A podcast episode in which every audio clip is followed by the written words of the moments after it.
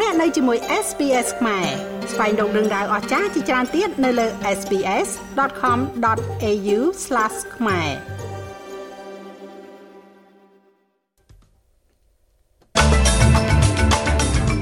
របាយការណ៍ចុងក្រោយរកឃើញថាការតែងតាំងរដ្ឋមន្ត្រីសម្ងាត់របស់លោក Scott Morrison បានធ្វើឲ្យខូចដល់ទំនុកចិត្តរដ្ឋាភិបាលលទ្ធផលនៃការបោះឆ្នោតនៅរដ្ឋ Victoria អាចនឹងត្រូវពន្យាពេល រដ្ឋមន្ត្រីក្រសួងមហាផ្ទៃជួបជាមួយចៅហ្វាយក្រុងនៅតំបន់ភៀកខាងលិចក្រុងស៊ីដនីដែលប្រឆាំងទៅនឹងការធ្វើមាតុភូមិនិវត្តន៍របស់ជនជាតិអូស្ត្រាលីដែលមានទំនាក់ទំនងជាមួយយុទ្ធជន IS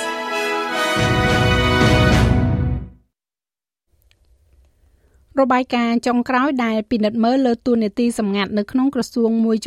ចំនួនរបស់លោក Scott Morrison ខណៈពេលដែលលោកនៅជានាយករដ្ឋមន្ត្រីត្រូវបានប្រគល់ជូនឲ្យរដ្ឋាភិបាលសហព័ន្ធ។ របាយការណ៍របស់ចៅក្រន Virginia Bell បញ្ជាក់ពីការសន្និដ្ឋានរបស់អគ្គមេធាវីថាសកម្មភាពរបស់លោក Morrison បានធ្វើឲ្យខូចមូលដ្ឋានគោលការណ៍នៃរដ្ឋាភិបាលដែលមានការទទួលខុសត្រូវរបាយការណ៍នេះបានរកឃើញថាការតែងតាំងនៅពេលនោះគឺមិនចាំបាច់ទេ ហើយការសម្ងាត់ជំវិញការតែងតាំងទាំងនេះទំនងជាបំផ្លាញទំនុកចិត្តសាធារណៈមកលើរដ្ឋាភិបាល។ វាក៏បង្ហាញឲ្យដឹងផងដែរថាលោក Morrison មានគម្រោងតែងតាំងខ្លួនឯងនៅក្នុងក្រសួងទី6ទៀតនោះគឺក្រសួងបរិស្ថាននិងធនធានទឹកលោកនាយករដ្ឋមន្ត្រី Anthony Albanese មានប្រសាសន៍ថារបាយការណ៍នេះបានដាក់ស្លាកឧបត្តិហេតុនេះថាជាការច្បាមយកអំណាចរបស់លោក Morrison This is a scathing report នេះគឺជារបាយការណ៍ដ៏ជូរចត់ដែលជាបទចោទប្រកាន់ដោយមានផុសតាំងមកលើរដ្ឋាភិបាលលោក Morrison និងវប្បធម៌នៃការសម្ងាត់ហើយសំណួរនៅទីនេះផងដែរតើវប្បធម៌អ្វីដែលអនុញ្ញាតឲ្យរឿងនេះរីកលូតលាស់មកបានចៅក្រមបែលបានធ្វើអនុសាសន៍ចំនួន6ទៅកាន់រដ្ឋាភិបាលរួមទាំងច្បាប់ទាមទារឲ្យមានការជូនដំណឹងជាសាធារណៈអំពីការតែងតាំងរដ្ឋមន្ត្រីនៅក្នុងក្រសួងផងដែរ។ លោក Albanese និយាយថាលោកនឹងផ្ដល់អនុសាសន៍ឲ្យរដ្ឋាភិបាលទទួលយកនៅរាល់អនុសាសន៍ទាំងអស់នេះអនុប្រធានគណៈបក Liberal លោកស្រី Susan Lee ក៏បានប្រាប់ ABC ថាគណៈបកប្រឆាំងនឹងគ្រប់គ្រងរាល់អនុសាសន៍នៅក្នុងរបាយការណ៍នេះផងដែរ។ The important thing is what the current liberal leadership has said about រឿងសំខាន់គឺអ្វីដែលថ្នាក់ដឹកនាំបក liberal បច្ចុប្បន្នបាននិយាយអំពីព្រឹត្តិការណ៍ទាំងនេះនិងអ្វីដែលអាចកើតឡើងនៅពេលអនាគត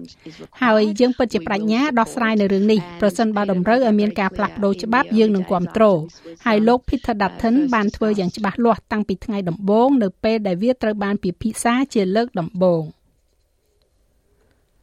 រដ្ឋមន្ត្រីក្រសួងមហាផ្ទៃបានជួបជាមួយនឹងចៅហ្វាយក្រុងចំនួន3នៅតំបន់ភៀកខាងលិចក្រុងស៊ីដនីដែលបានសម្ដែងនៅការព្រួយបារម្ភអំពីការធ្វើមាតុភូមិនិវត្តរបស់ជនជាតិអូស្ត្រាលីពីប្រទេសសេរីដែលមានទំនាក់ទំនងជាមួយនឹងក្រុមអ្នកប្រយុទ្ធរដ្ឋអ៊ីស្លាមឬហៅថាក្រុម IS ស្ត្រីនិងកុមារទាំងនេះបានមកដល់ទីក្រុងស៊ីដនីកាលពីខែតុលាបន្ទាប់ពីប្រតិបត្តិការសម្ងាត់ដែលបានអនុម័តដោយរដ្ឋាភិបាលសហព័ន្ធ ចៅហ្វាយក្រុង Liverpool, Campbelltown និង Fairfield បានសម្ដែងនៅការព្រួយបារម្ភអំពីការតាំងទីលំនៅថ្មីរបស់ក្រុមគ្រួសារទាំងនេះនៅភូមិខាងលិចនៅទីក្រុង Sydney លោកស្រីរដ្ឋមន្ត្រី Claire O'Neil បាននិយាយថាកិច្ចពិភាក្សាមានលក្ខណៈស្ថាបនាហើយភាគីទាំងអស់បានដើរចេញទៅដោយការយល់ដឹងកាន់តែច្បាស់អំពីទស្សនៈរបស់គ្នាទៅវិញទៅមក។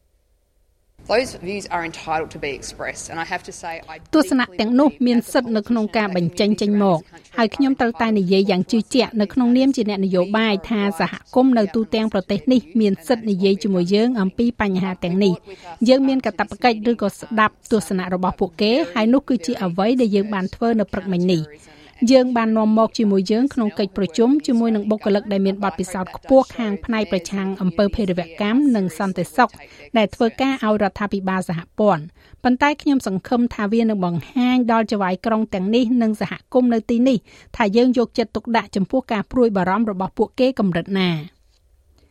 លោកចៅហ្វាយក្រុង Fairfield គឺលោក Frank Carbon បាននិយាយថាលោកពិតជារីករាយណាស់នៅក្នុងការដែលដឹងថាស្ត្រីនិងកុមារទាំងនោះត្រូវបានគេដាក់នៅទូទាំងប្រទេសអូស្ត្រាលីគឺនៅកន្លែងដែលមានក្រុមគ្រួសាររបស់ពួកគេរស់នៅ The minister took on board the point about making sure that លោកស្រីរដ្ឋមន្ត្រីបានលើកយកចំណុចមួយអំពីការធ្វើឲ្យប្រកាសថាពួកគេយល់ថាជនរងគ្រោះនៅទីនេះគឺពិតជាជនភៀសខ្លួនជនដែលពិតជាបានភៀសខ្លួនចេញពីក្រុម IS ហហើយខ្ញុំគិតថាខ្ញុំបានបញ្ជាក់យ៉ាងច្បាស់ដល់លោកស្រីថាប្រជាជននឹងតម្រូវឲ្យលោកស្រីគិតគូរអំពីប្រជាជនទាំងនោះនិងអារម្មណ៍របស់ពួកគេនិងដើម្បីឲ្យយល់ថាពួកគេគឺជាអ្នកដែលឆ្លងកាត់នៅបទពិសោធន៍ដ៏តក់ស្លុតហើយការតាំងទីលំនៅថ្មីនៅពេលអនាគតគួរតែត្រូវបានពិចារណាមនុស្សទាំងនោះគួរតែត្រូវបានពិចារណានិងយកទៅពិចារណា ប្រជាជននៅក្នុងរដ្ឋ Victoria ជាង1លាន6សែននាក់បានបោះឆ្នោតមុនពេលកំណត់ឬក៏បោះតាមប្រៃសណីសម្រាប់ការបោះឆ្នោតថ្នាក់រដ្ឋនៅថ្ងៃសៅរ៍ទី26ខែវិច្ឆិកាស្អែកនេះរួចរាល់ហើយនោះគឺស្មើនឹង37%នៃអ្នកដែលបានចុះឈ្មោះ លោកអភិបាលរដ្ឋ Daniel Andrews សង្ឃឹមថារដ្ឋាភិបាលបក Labor របស់លោកនឹងទទួលជ័យជំនះនៅក្នុងការបោះឆ្នោតលើកទី3នេះខណៈដែលគណៈបកសម្ព័ន្ធនៅក្រោមការដឹកនាំរបស់លោក Matthew Guy មានប្រសាសន៍ថាប្រជាជនរដ្ឋ Victoria សមនឹងទទួលបាននៅរដ្ឋាភិបាលនិងអភិបាលរដ្ឋដែលនឹងរួបរวมហើយមិនបែងចែកសហគមន៍សាស្ត្រាចារ្យផ្នែកនយោបាយនៅសាកលវិទ្យាល័យ Deakin លោកបណ្ឌិត Geoffrey Robinson មានប្រសាសន៍ថាបេក្ខជនឯករាជ្យកំពុងតែឈរឈ្មោះនៅក្នុងកៅអីដែលជាទូទៅជាកៅអីសវត្ថភាពដែលអ្នកបោះឆ្នោតបានត្អូញត្អែអំពីការទទួលបានមកដោយងាយស្រួល។ So in the western suburbs at Melbourne for example which are grown ដូច្នេះនៅតំបន់ជាក្រុងភាគខាងលិចនៃទីក្រុង Melbourne ជាឧទាហរណ៍ដែលកំពុងតែធ្ងួយធ្ងរក្រោមការខ្វះខាតហេដ្ឋារចនាសម្ព័ន្ធដោយសារចំនួនប្រជាជនកើនឡើងដូច្នេះហើយនៅទីនោះបានបង្កើតកន្លែងទំនេរច្រើនសម្រាប់ឲ្យបេក្ខជនឯករាជ្យចូលមកនិយាយថាល្អ យើងមិនត្រូវបានគេយកចិត្តទុកដាក់ទេព្រោះយើងធ្លាប់ជាតំបន់សុវត្ថិភាពរបស់គណៈបក Labor ប៉ុន្តែអ្នកក៏ធ្លាប់ឃើញមានកៅអីនៅតំបន់ជនបទមួយចំនួនផងដែរដែលបេក្ខជនឯករាជ្យបាននឹងកំពុងប្រឈមមុខនឹងគណៈបក Liberal និងបក National ហើយក៏បានធ្វើការជជែកវែងញែកស្រដៀងគ្នានេះផងដែរ។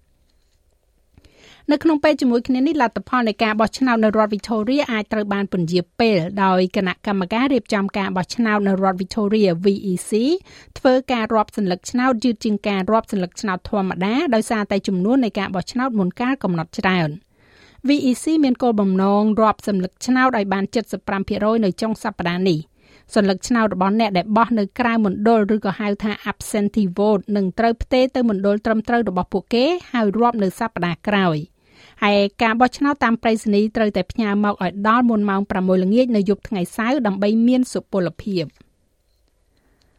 លោក Dominic Perrottet អភិបាលរដ្ឋ New South Wales កំពុងទៅទស្សនកិច្ចនៅតំបន់ដែលរងផលប៉ះពាល់ដោយទឹកជំនន់នៅប៉ែកកណ្ដាលភាគខាងលិចរបស់រដ្ឋនេះ ជាកន្លែងដែលលោកបានបញ្ញាផ្ដល់នូវមូលនិធិបន្ថែមទៀតសម្រាប់សេវាសុខភាពផ្លូវចិត្តថ្លែងពីទីប្រជុំជន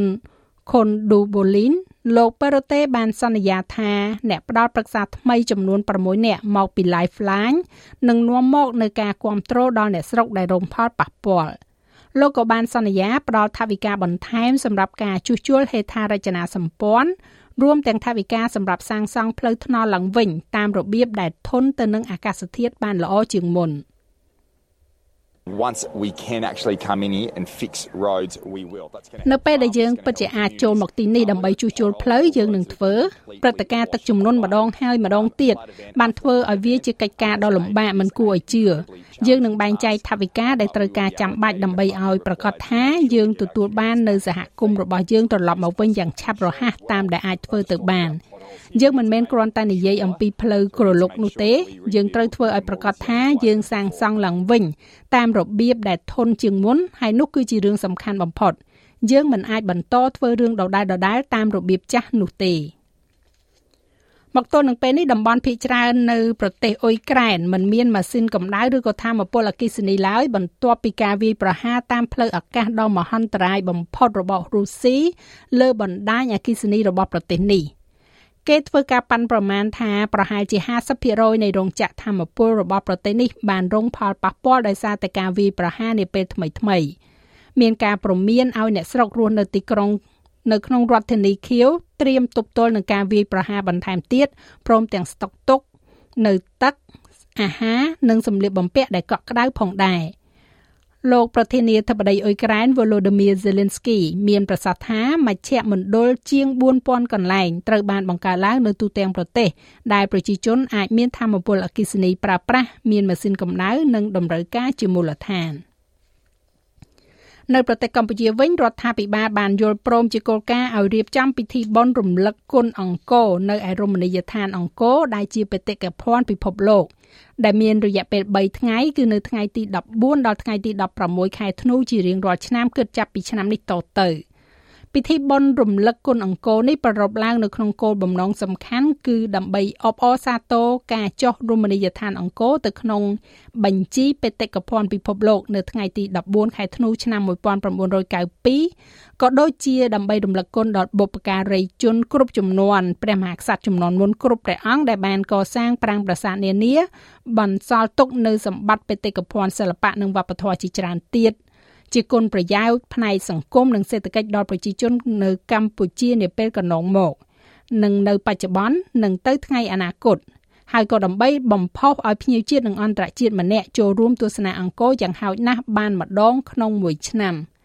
ចាស់ឲ្យលោកមេងផល្លានឹងជួនសេចក្តីរាយការណ៍លម្អិតនៅវគ្គក្រោយបន្តទៀតឬលោកអ្នកអាចចូលស្ដាប់របាយការណ៍ពេញលើគេហទំព័ររបស់យើងនោះគឺ sbs.com.au/ ខ្មែរ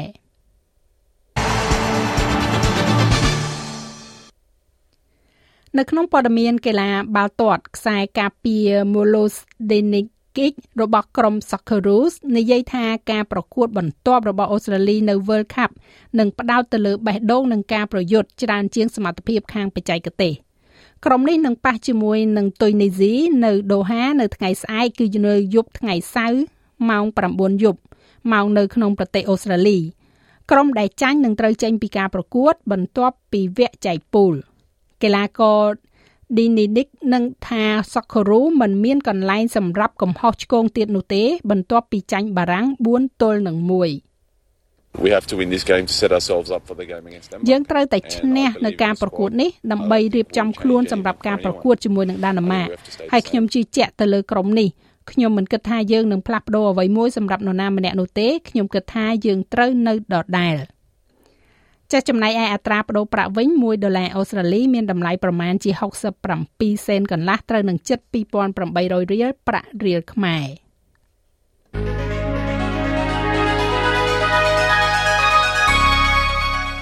ឥឡូវយើងក៏លេខមកមើលការព្យាករណ៍អាកាសធាតុសម្រាប់ថ្ងៃសៅរ៍ស្អែកនេះវិញ នៅទីក្រុងផឺតភាគច្រើនបើកថ្ងៃ24អង្សា អាចនឹងមានរលឹមនៅអាដាលេដ27អង្សា នៅមែលប៊នរលឹមបន្តិចបន្តួចនៅពេលយប់21អង្សា នៅហូបាតអាចនឹងមានរលឹមនៅពេលយប់21អង្សា នៅខេនបារ៉ាមានពពកដោយពេល25អង្សា នៅស៊ីដនីភាគច្រើនបើកថ្ងៃ23អង្សា Brisbane បើកថ្ងៃ33អង្សា ទីក្រុងខានរលឹមបន្តិចបន្តួច32អង្សា ទីក្រុងដាវិនរលឹមអាចនឹងមានព្យុះ33អង្សា និងនៅទីក្រុងភ្នំពេញ មានភ្លៀងផ្គររន្ទះរាយប៉ាយ32អង្សា